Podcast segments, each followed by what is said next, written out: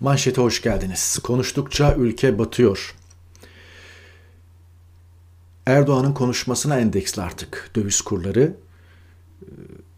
Çoğu insan elinde telefon, önündeki bilgisayardan anlık dolar kurunu, euro kurunu, sterlin kurunu neyse takip etmeye başladı. Durum vahim. Dolar 14 lirayı gördü.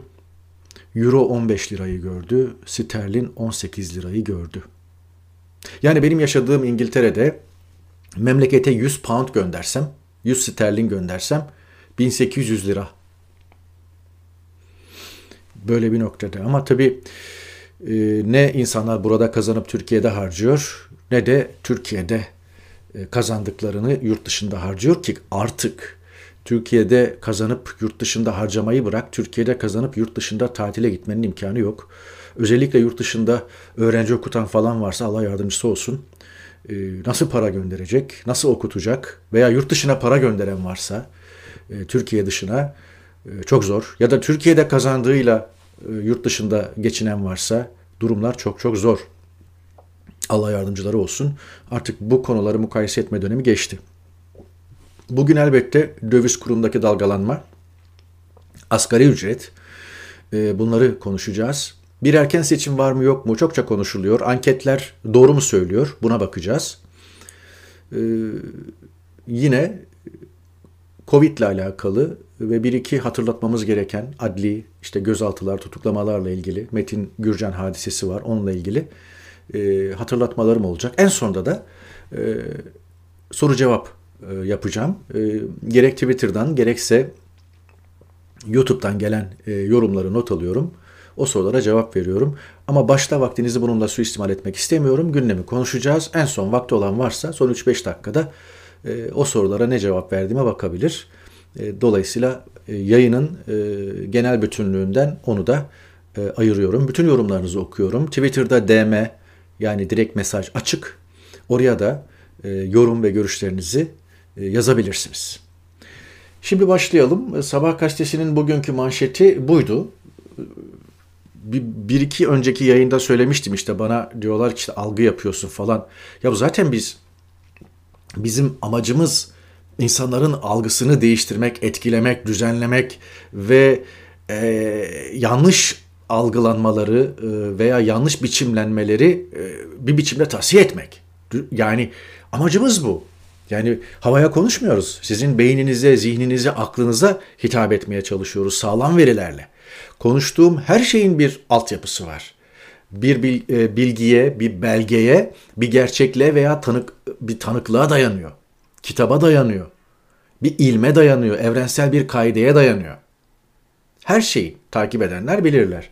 Şimdi algı operasyonu farklı bir şey. İşte algı operasyonu bu. Neymiş efendim? İşte Avrupa'nın en güçlü büyümesiymiş. En güçlü büyüme insanlara sıcak bir çorba mı veriyor? En güçlü büyüme insanları mutlu mu ediyor? En güçlü büyümeyle insanlar taksitlerini ödeyebiliyorlar mı? Faturalarını ödeyebiliyorlar mı? Algı bu. Avrupa'da raflar boş. Algı bu. Ekmek kuyrukları bir tane densiz demiş ya. Ekmek kuyrukları işte insanlar fotoğraf vermek, görüntü vermek için oraya dikiliyor demiş. İstanbul Büyükşehir e, Meclisi'nden bir AKP'li üye. Algı operasyonu bu. Kendi tabanını kendi tabanını bu laflarla avutacağını, uyutacağını zannediyor. Algı operasyonu bu. Ve bunun böyle olmadığı gerçekliğini biz yüze vurmaya çalışıyoruz ki zaten %80-90 mesabesinde siz e, iktidar kaynaklı yapılan algı operasyonunu görüyorsunuz. Kalanı da bizim işimiz. Bunun öyle olmadığını anlatmaya çalışmak. Mesela Metin Gürcan hadisesi bunlardan biridir. Birazdan yeri geldiğinde anlatacağım. Dün biraz anlattım ama ilave edeceklerim var. Gazete Pencere güzel bir başlıkla görmüş. Hem faizi düşürüyoruz dedi. Hem Merkez Bankası bağımsız dedi. Dolar aldı başını gitti. Evet. Orada Nurettin Nebati'nin ekonominin başına göz kırptığına dair kulislerde aldı başını gitti. Ee, bilmiyoruz. Eli kulağındadır. Lütfi Elvan gider bu gelebilir. Nurettin Nebati de Berat Albayrak'ın adamıdır. Birkaç ayın önce detaylı anlatmıştım. Evet artık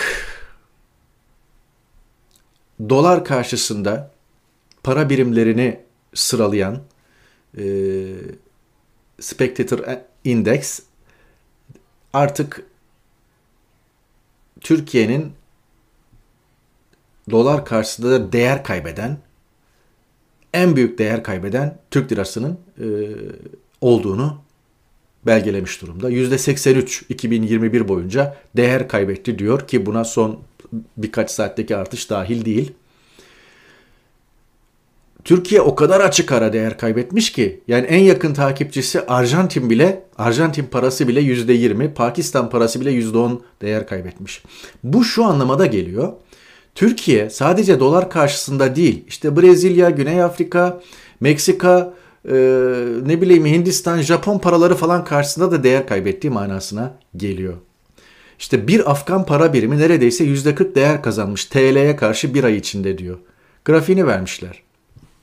Afganistan neresi yahu? Afganistan'ın bir ekonomisi mi var? Af- Afganistan bir devlet mi? Birkaç ay önce Taliban iş başına geldiğinde, e, devleti ele geçirdiğinde e, konuşmuştuk. Bir iki ay sonra Afganistan'ı konuşmayacağız, gündemden düş- düşecek demiştik. Evet gündemden düştü artık kimse Afganistan'ı konuşmuyor. Bu bir kehanet değildi. Sadece bugüne kadarki gelişmeleri e, takip eden e, bir siyasi analistin e, olacakları tahminiydi ve bu yanılmaz bir gerçek. Birkaç hafta konuşulur, unutulur bir şeydi ve şu anda kimse Afganistan'ı konuşmuyor. Ama Afganistan parasıyla gündemde görüyorsunuz. Afgan para birimi karşısında bile, Afgan para birimi bile Türk lirası karşısında %40 değer kazanmış. Durum bu. Financial Times, e, Merkez Bankası'na Erdoğan'ın son 3 ayda 3 kez faiz indirimine gitmesi için baskı yaptığını söylüyor. Financial Times'ın bu yorumu önemli şu açıdan önemli. Özellikle yabancı yatırımcı veya Türkiye'de yatırım yapanlar açısından e, orada her şey Erdoğan'ın iki dudağı arasında diyor Financial Times. Bak adam adamların diyor e, Merkez Bankası da şey değil, hmm, bağımsız değil. E, devlet başkanı istediği gibi buyruk veriyor diyor. Fakat buraca enteresan bir e, yorum daha yapmış. E, ikinci paragrafta. Diyor ki her ne pahasına olursa olsun hızlı büyüme saplantısı ki Erdoğan'da bir saplantı olduğunu söylüyor ve hızlı büyüme saplantısı olduğunu söylüyor. Biraz evvel verdiğim Sabah gazetesinin manşetini unutmayın. Avrupa'nın en güçlü büyümesi diye manşet atmışlardı. İşte onlar da efendilerinin göstereyim tekrar. Bu sabahın bugünkü manşeti. Bunlar da efendilerinin ne, e, saplantısının ne olduğunu, takıntısının ne olduğunu biliyorlar. Erdoğan'da bir büyüme saplantısı var. Ondan böyle bir başlık atılıyor. Sabah zaten aile gazetesi.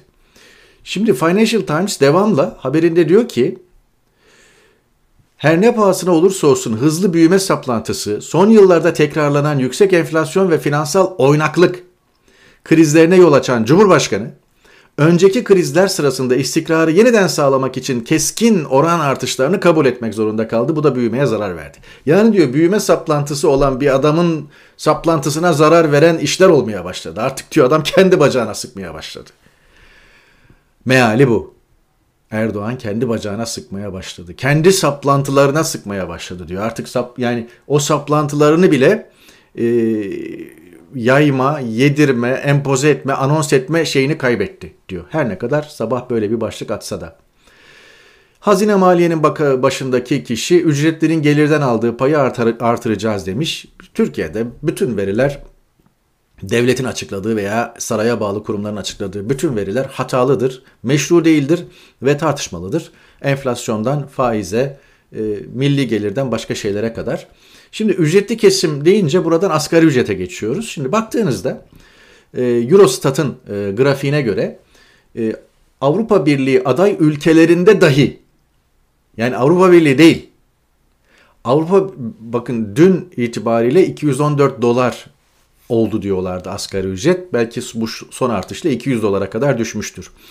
Şu anda asgari ücret Türkiye'de 2825 TL. Yani yaklaşık olarak 200 dolar ya da 200 doların biraz üzerinde 230-240 euro e, olarak da görülebilir. Her neyse yani 200-250 arasında dolar, euro denebilir. Pound bazında baktığınızda bu daha da düşüyor. E, benim yaşadığım ülke İngiltere'de asgari ücret 1000 pound'un üstünde aylık. TL e, Türkiye'ye götürdüğünüzde bu aylık 18 bin lira yapıyor ama birazdan detaylı anlatacağım. Avrupa'daki 1 litre benzin Avrupa'daki ekmek fiyatı, kahve fiyatı, e, yemek fiyatı, e, elektrik fiyatı bu tür şeyleri kıyaslama dönemi geçti. Şu anda Türkiye başka bir kulvarda artık. Şimdi buraya, e, buraya baktığınızda Avrupa Birliği ülkeleri değil, Avrupa Birliği'ne aday ülkelerin asgari ücret grafiklerini görüyorsunuz. Karada Kuzey Makedonya, Arnavutluk ve Sırbistan var. Ki Türkiye sarı grafik, Türkiye sarı grafik ve Arnavutluğun bile gerisine düşmüş. Zaten Sırbistan'ın, Kuzey Makedonya'nın ve Karadağ'ın gerisinde Türkiye şu sarı e, noktada bakın görüyorsunuz şu Arnavutluğun bile gerisine düşmüş. Şu sarı nokta. Şu son elbette ki döviz e, oynamalarından sonra. Eser Karakaş demiş ki Çalışma Bakanı işçimizi enflasyona ezdirmeyeceğiz dedi. Peki hükümetin asli işi enflasyon yaratmamak varsa %2 dolayına indirmek değil midir diyor. %100 katılıyorum hocaya. E, ayrıca e, Özgür Düşünce şu anda yayında, e, Monstar ekranlarında yayında e, kiralık kasa yok kulisi var. Çok enteresan yani piyasada kiralık kasa kalmamış. İnsanlar e, bankaya da güvenmiyor ve mevduatını değerli neyi varsa taşınır. E, menkulü e, kasalarda tutuyorlar. Enteresan. Altın, ziynet eşyası, e, döviz aklınıza ne geliyorsa. Fakat kiralık kasa yok. E, ikincisi sefalet endeksinde de Türkiye zirvede. E, Özgür Düşünce programını mutlaka seyredin. E, bu iki detay benim de dikkatimi çekti. Şimdi Çalışma Bakanı yine simit hesabı yapalım asgari ücreti diyorum diye Erdoğan'a sorunca saçmalama lan simit 3,5 lira diyor. E, artık simit hesabı falan e, tarih oldu. Geride kaldı. Simit çay hesabıyla işte bir simit 3,5 lira, bir çay 4 lira, 5 lira neyse bununla işte 4 kişilik bir aile ne olur günde 3 öğün simit çay yese filan hesabını yapmayın. E, mahcup olursunuz. Ama şuna bakılabilir.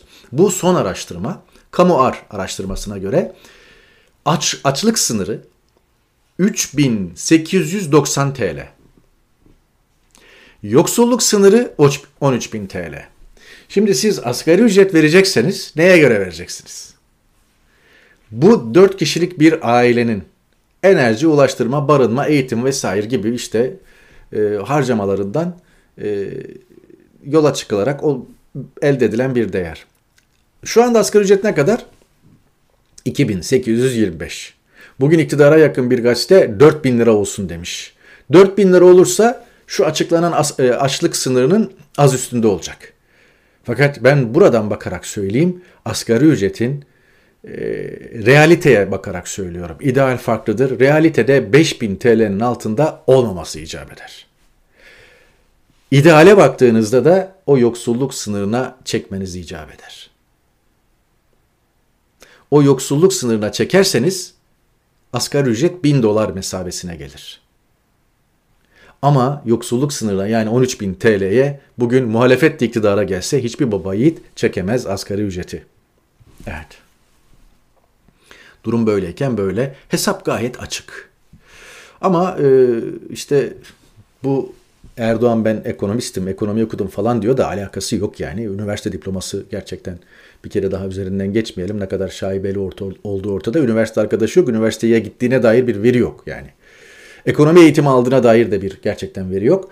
Futbolda bana profesyonel teklif gelmişti ama babam önümü kesti. Ben ben seni okumak için yetiştiriyorum dedi babam. Hayırlı da oldu diyor. Babasından nadir bahsediyor. Ee, nadir bahsettiği anlardan biri. Ee, babam ben seni okumak okuman için yetiştiriyorum demiş. Hayırlı da oldu diyor. Yani okudum diyor. Altındaki yorum çok güzel. E okumadın da. E, Erdoğan'ın bir tahsili yoktur. E, olan tahsili neyse onun üzerine de bir şey bir daha koymamıştır. Kitap özeti okuyorum demişti geçmişte. Onu özeti özeti okuduğu da yoktur yani. Kendisine ne anlatılıyorsa, ne e, sunuluyorsa o. Zaten herhangi bir tahsili olan bugün bu noktada olmazdı. Yani herhangi bugün bu noktada böyle saçma sapan demeçlerle kamuoyunu afallatmazdı. Şimdi dönelim. Ben son analizlerden birinde paylaşmıştım. Ee, Erdoğan'ın kendi partisi dahi Cumhurbaşkanı adayı olduğunu açıklamadı ama MHP açıkladı Erdoğan'ın Cumhurbaşkanı adaylığını diye. E, Bülent Arınç'ın yorumlarında da benzer bir şey olunca e, Ömer Çelik AKP sözcüsü önümüzdeki seçimlerde Sayın Cumhurbaşkanımız kuşkusuz Cumhur İttifakı'nın Cumhurbaşkanı adayıdır demiş. Önümüzdeki seçimler Haziran 2013'te olacaksa yasaya göre Cumhurbaşkanı bir kere daha aday olamıyor. Tabii artık hani yasa, anayasa, yüksek seçim kurulu adaylık itirazları bir yerlere gidecek değil mi? O adaylık itirazlarına bakanlar Erdoğan'la ilgili bir konu önlerine geldiğinde nasıl davranacaklar?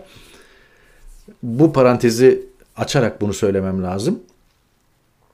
Haziran 2013'te normal vaktinde, e, 2023'te e, özür dilerim. Haziran 2023'te normal vaktinde seçim yapılırsa Erdoğan bir daha aday olamıyor. Çünkü iki kere seçildi ve bir daha aday olamıyor. Bir ikinci e, şey de şu.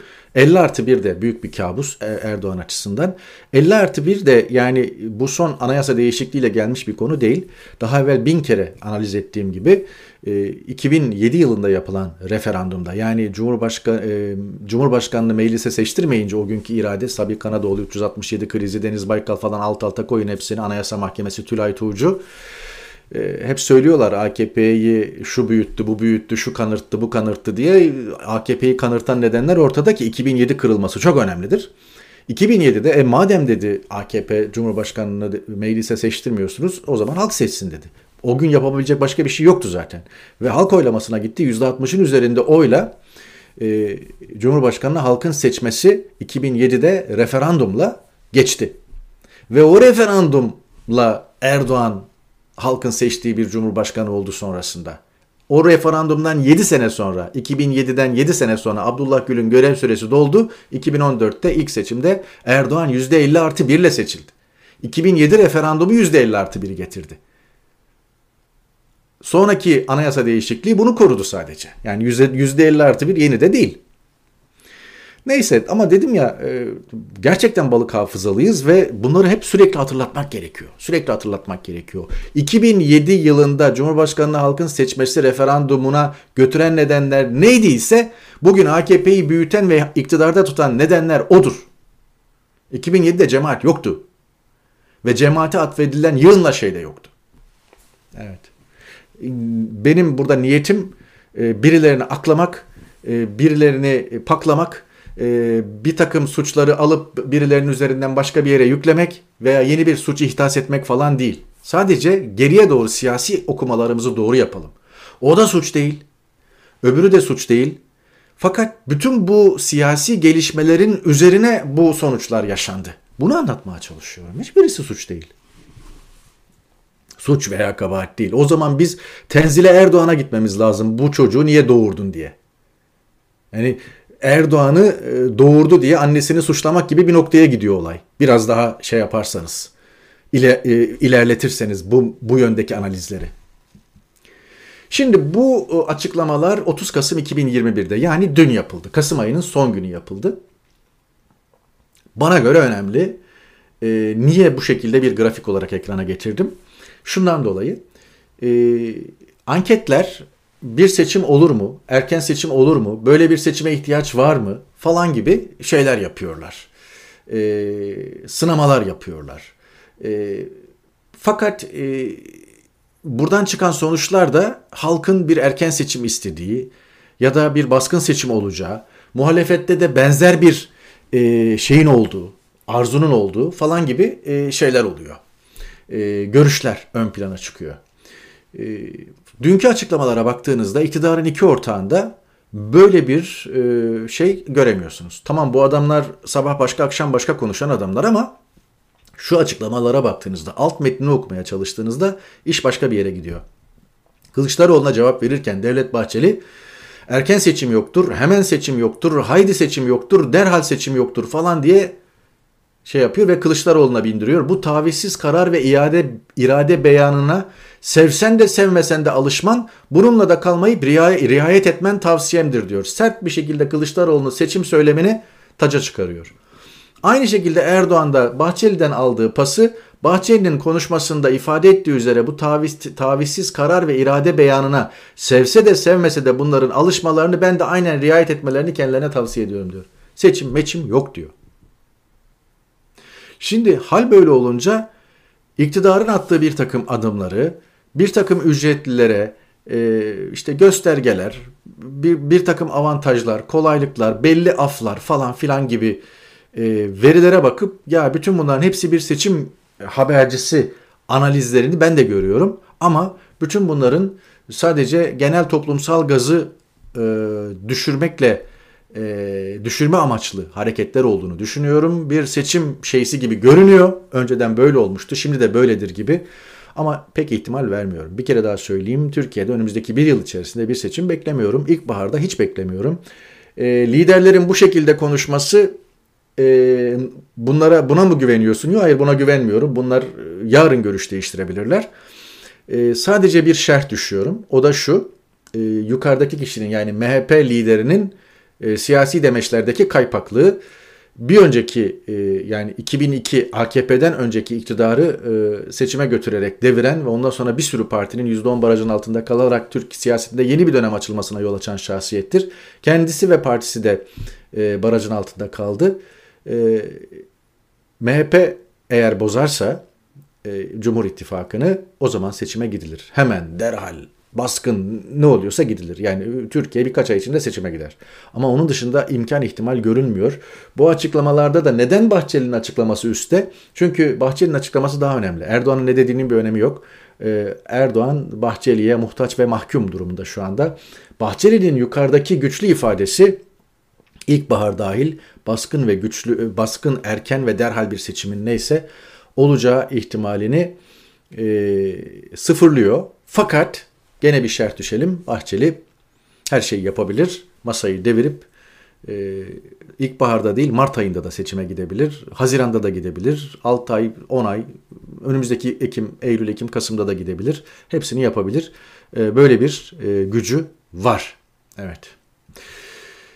188 şüpheli hakkında gözaltı kararı verilmiş. Yani bu artık gazetelerde haber bile olmuyor. Sabahın iç sayfasında küçücük kibrit kutusu kadar bir haber bu eski akademi öğrencisi, jandarma yapılanması, Dışişleri Bakanlığı 3 ayrı sınavında usulsüzlük filan falan ta 2009 iki, yani böyle 10 12 15 sene öncesinden şeyler. Bir dönem öğrenci öğrenci ise herhangi bir yerde, lisede, akademide 10-12 yaşında, 15 yaşında bir dönem öğrenci ise yaşı tutunca böyle topluyorlar. 5 ilde yapılmış en son. Her gün böyle 150 200 e, insanı topluyorlar ve bütün bunlar maalesef e, şey olmuyor. Yani e, haber dahi olmuyor. Kimse konuşmuyor. İktidara yakın gazetelerde bile iç sayfada kibrit kutusu kadar haber oluyor. Evet. Bir kere daha şunun altını çizmemde yarar var. Türkiye toplumsal mücadeleyi, cemaat, siyasi çıkışı da Kürt alerjisi yüzünden ıskalıyor, ıskalayacak yakın dönemde bu bu bu konulara dair bir sarı ışık dahi maalesef göremiyorum. Evet, maalesef. Covid ile ilgili bir iki şey söyleyelim.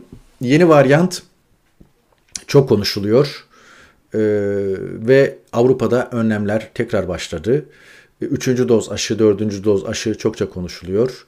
Ee, varyanta karşı üçüncü doz, dördüncü doz etkili midir değil midir bilinmiyor. Ama bilinen şey şu, e, bu kışa da bu iş damgasını vurdu. Önümüzdeki Mart, Nisan, Mayıs aylarına kadar bir rahatlama yok.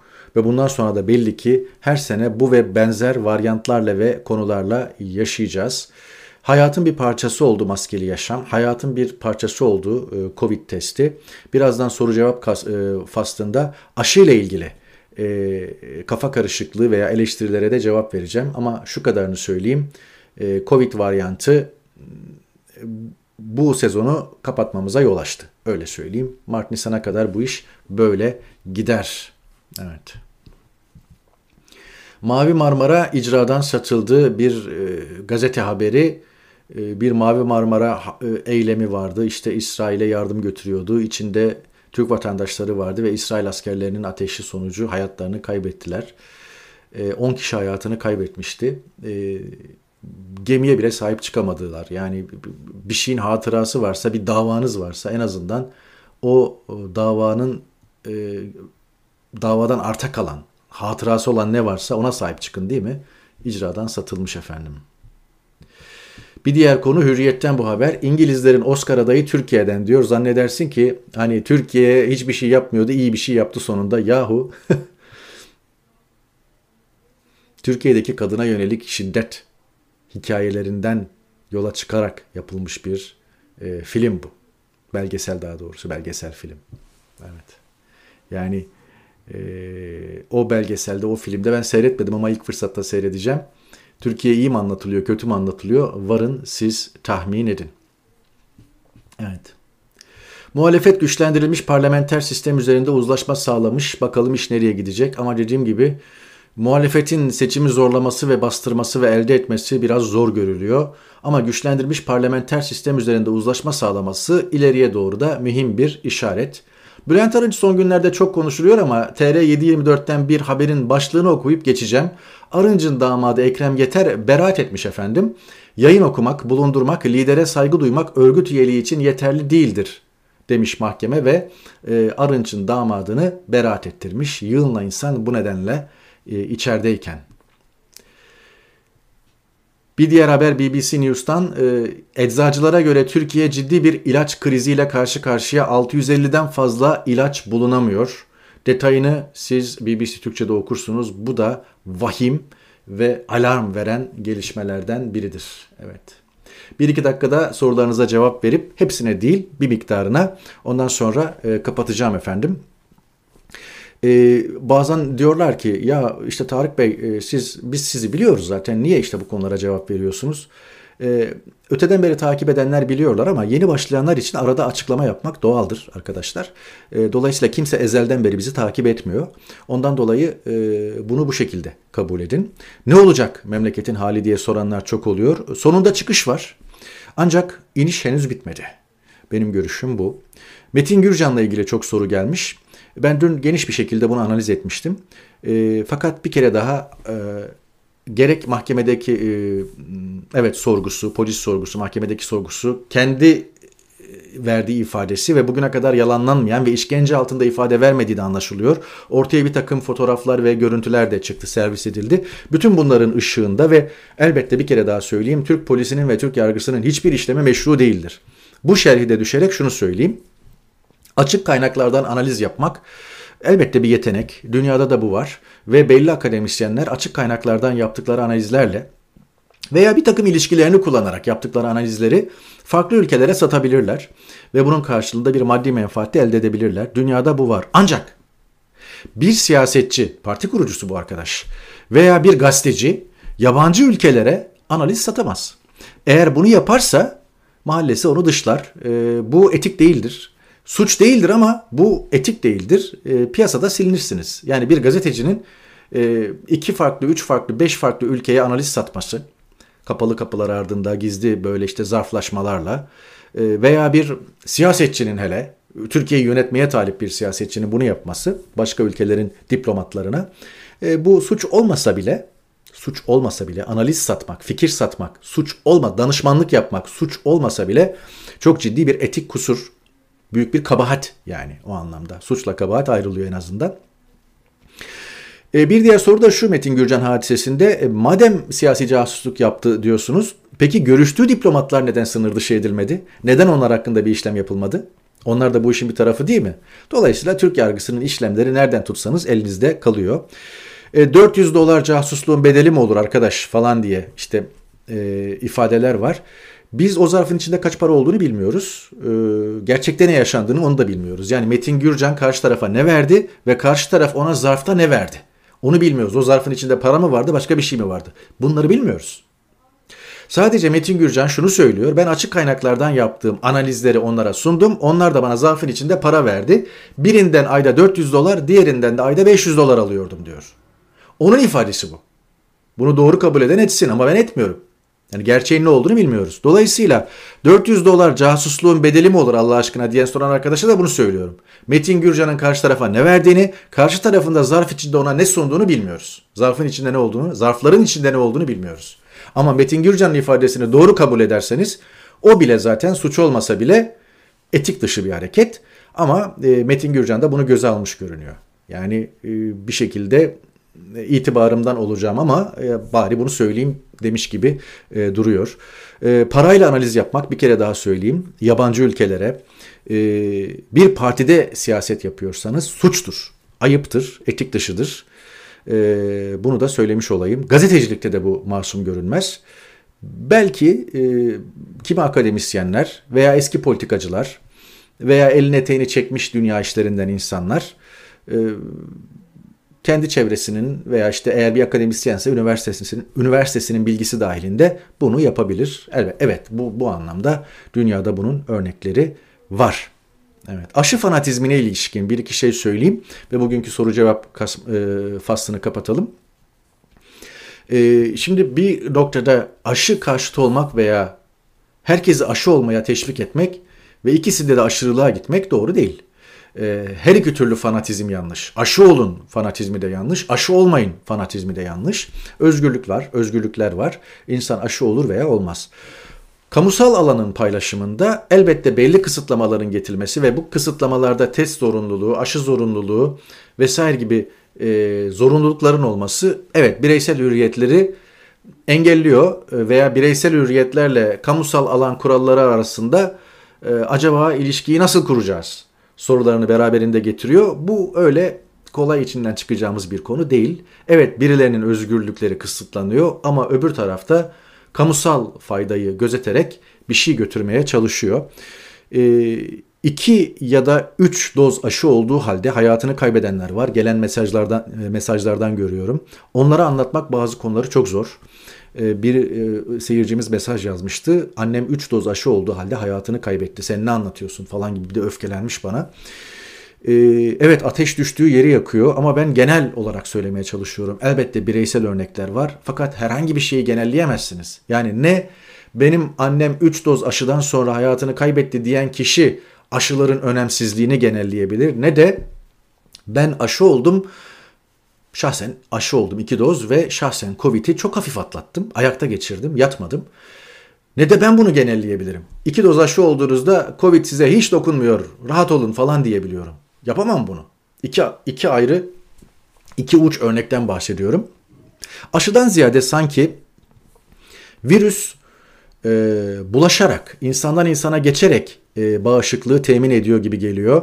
Ancak aşı hastalanmayı ya da hastalığı ağır geçirmeyi engelliyor. Çünkü yaşadığım ülke başta Avrupa'da aşılanma oranları yükseldikçe ölüm oranları ve hastanelerdeki yoğun bakım servisinde yatan hastaların oranları düştü. Bütün bu verilere bakarak ki bu verilerde güvenilir veriler aşılanmanın hastalığı ölmeden hafif atlatmaya e, yaradığı sonucunu çıkardım ben. Fakat bizim bildiğimiz manada aşı hastalığa karşı korumuyor. Bir şekilde hastalığı hastalığa yakalanıyorsunuz. Bir şekilde virüsü kapıyorsunuz veya bir şekilde virüsü kaptığınızda aşı olsanız da olmasanız da o virüs bünyeye giriyor, yerleşiyor. Fakat aşılı olmanız sizin konuyu biraz daha hafif atlatmanıza e, yol açıyor gibi ya da buna sebep oluyor, bunu sağlıyor gibi. E, aşı korumuyor. Sadece e, hastalığı atlatmaya yardımcı gibi. E, bunu ne derece yaptığını ölümlerin azalmasından görüyoruz. Yoğun bakım ünitelerindeki hastaların azalmasından görüyoruz. Daha fazla detayı inanın ben de bilmiyorum. Çıkan her şeyi okuyorum. Merakla okuyorum, ilgiyle okuyorum. Fakat tıp alemi de halen bakıyor konuya yani. Halen bakıyor. Evet böylelikle bir yayını daha noktalıyoruz. Başka sorular da var ama e, onları da sonraki yayınlara bırakalım. E, bir sonraki yayında görüşmek umuduyla hoşçakalın.